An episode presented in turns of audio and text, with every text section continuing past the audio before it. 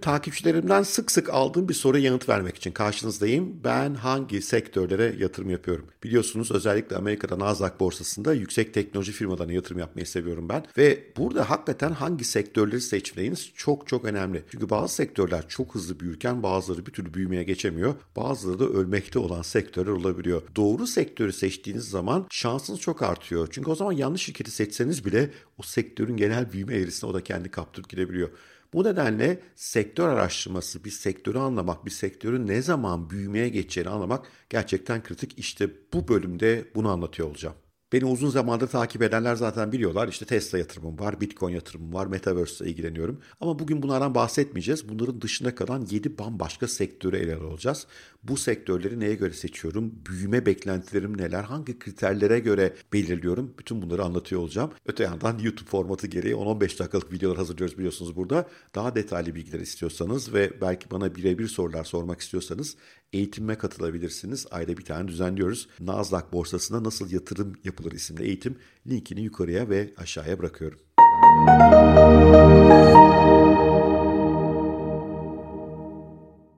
Eğer teknoloji hisseden yatırım yapıyorsanız doğru sektörü seçmenin en önemli kriteri büyüme olan sektörleri seçmek lazım. Çünkü bu tip alanlarda henüz büyümemiş ama potansiyeli yüksek olan doğru sektörü yakalayabilirseniz o sektör hızlı büyümeye başladığında bu işin içinden çok kârlı çıkıyorsunuz.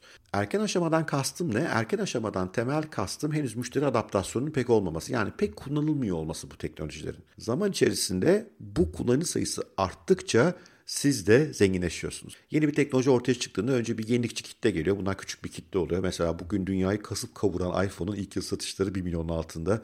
Şu anda 200-250 milyon telefon satıyorlar yılda. Daha sonra erken benimseyen diye bir kitle geliyor. Onlar biraz işi seviyorlar vesaire.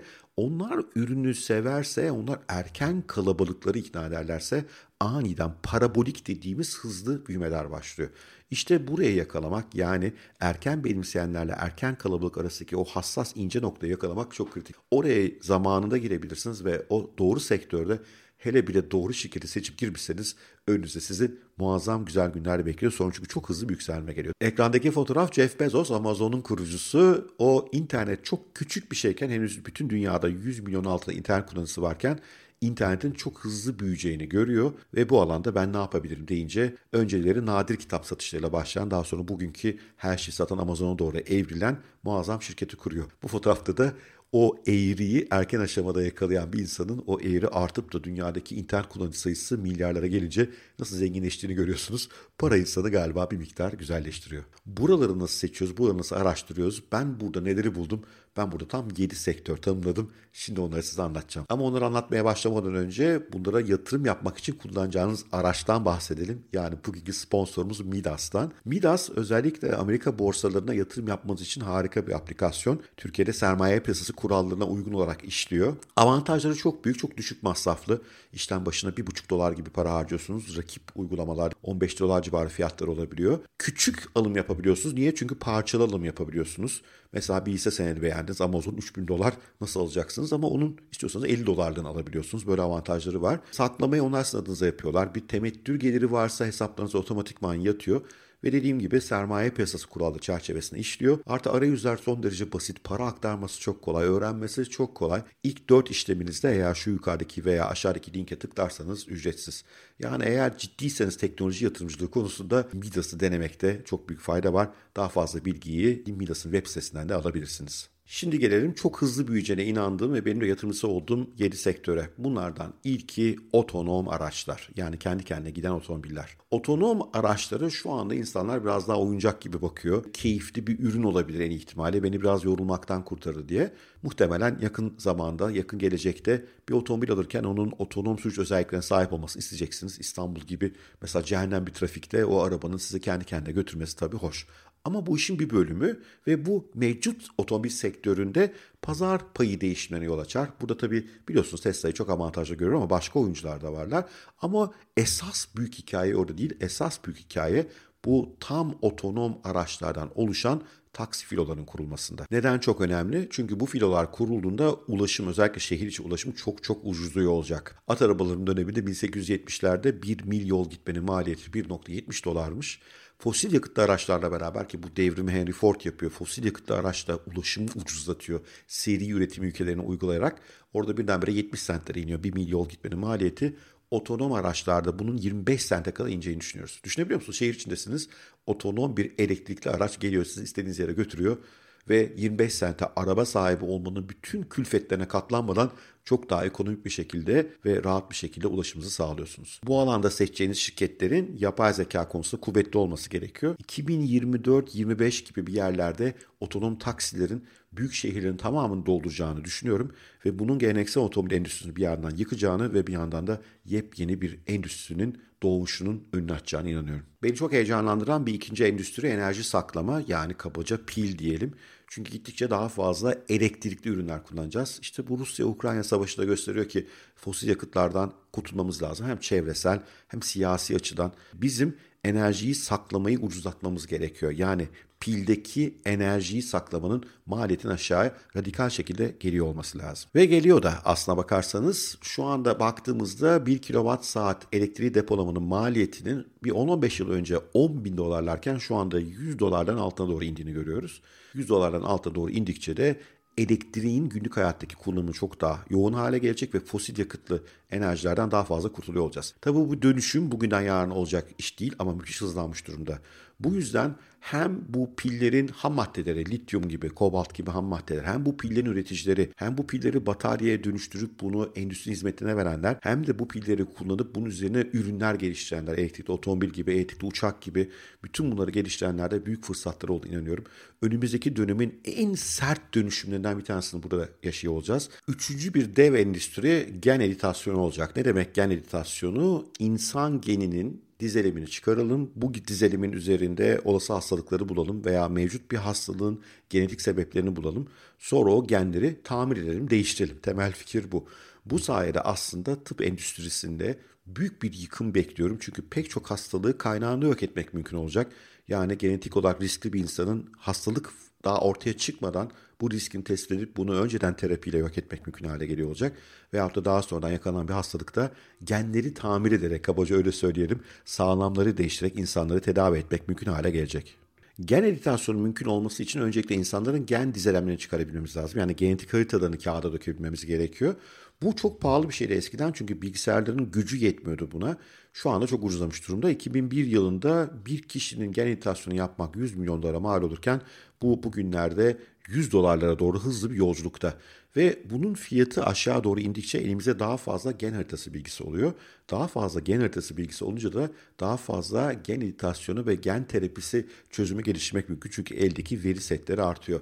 Bunun da kritik bir kırılma eşiğine geldiğini düşünüyorum ve bu alanlardaki şirketlerin önümüzdeki yıllarda muazzam değer kazanacağını düşünüyorum. Dördüncü ilgimi çeken alan uzay. Uzayda yatırım fırsatları biraz şu anda az çünkü uzay şirketleri pek halka açılmış değiller ama acayip büyüyen bir yer.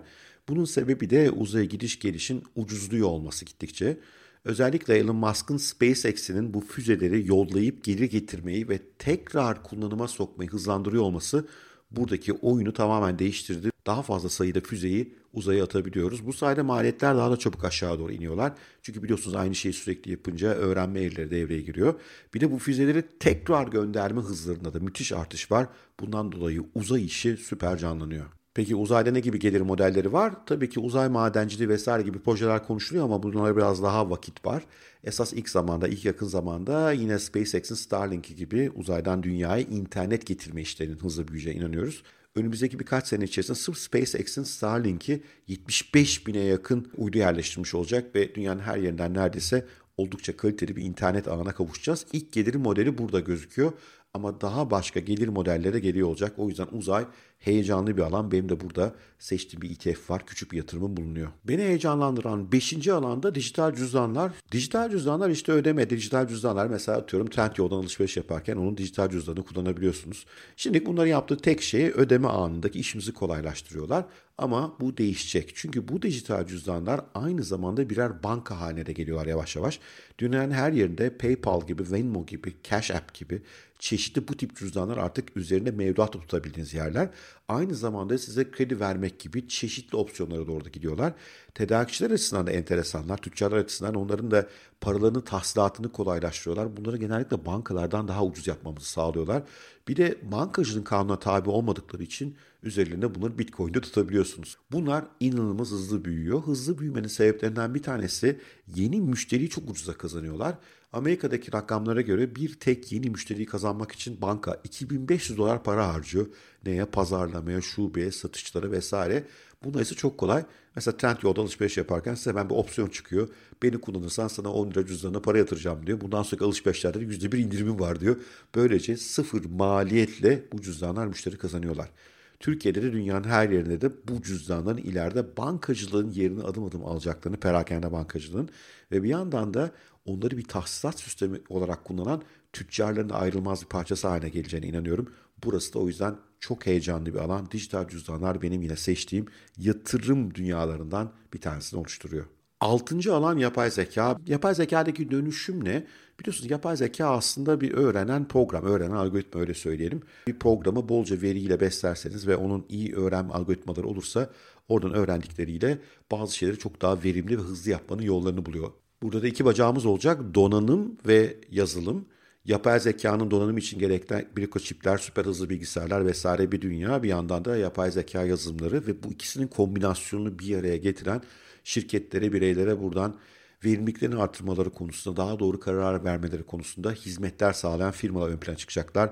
Yapay zeka çok büyük bir iş. Hatta hani bugün anlattığım 7 maddenin içerisinde pillerle beraber bence en büyük iki işten bir tanesi ve gideceği daha muazzam bir yol var. Yedinci alandan pek hoşlanmayacağınızı düşünüyorum. Çünkü biz Türkler biraz damak zevkimize düşkünüz, biraz gelenekseliz. İşte dinen de bu işler biraz tartışılıyor hala.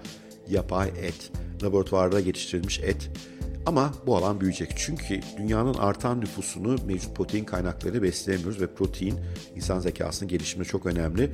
Bu kadar çok hayvanı yetiştirecek ortamımız yok. Bu kadar çok hayvanı yetiştirecek suyumuz, sulağımız yok. Biliyorum bana kızanlar olacaktır ama gerçek bu maalesef. Bundan dolayı bizim alternatif protein kaynaklarına ihtiyacımız var. Benim yatırımcısı olduğum Amerika'da bir şirket var. Bu laboratuvar tabanlı etleri yapan çok lezzetli hale geldi. Evet bildiğimiz ete benzemiyor ama kendi içinde çok lezzetli bir şey. Bu alanın büyüyeceği de mutlak. Benim 7 alanım bunlar. Bu 7 alanda doğru şirketleri, doğru ETF'leri seçmeye ve bunlara yatırım yapmaya çalışıyorum. Ama dediğim gibi onları burada anlatmak çok doğru olmayabilir. Demin bahsettiğim linkte yukarıda veya aşağıda verdiğim Nasdaq eğitime gelebilirsiniz. Orada bunların detaylarına giriyoruz veya kendiniz bir miktar araştırma yapabilirsiniz. Ve bu araştırmanızın sonunda kafanıza yatan endüstrilerde o endüstriye dair bir fonu, bir ETF alarak da satın almaya başlayabilirsiniz ki bizim Türk kuruluşlarımız da bu konuda bazı fonlar sağlıyorlar, sunuyorlar. Bu da olabilir.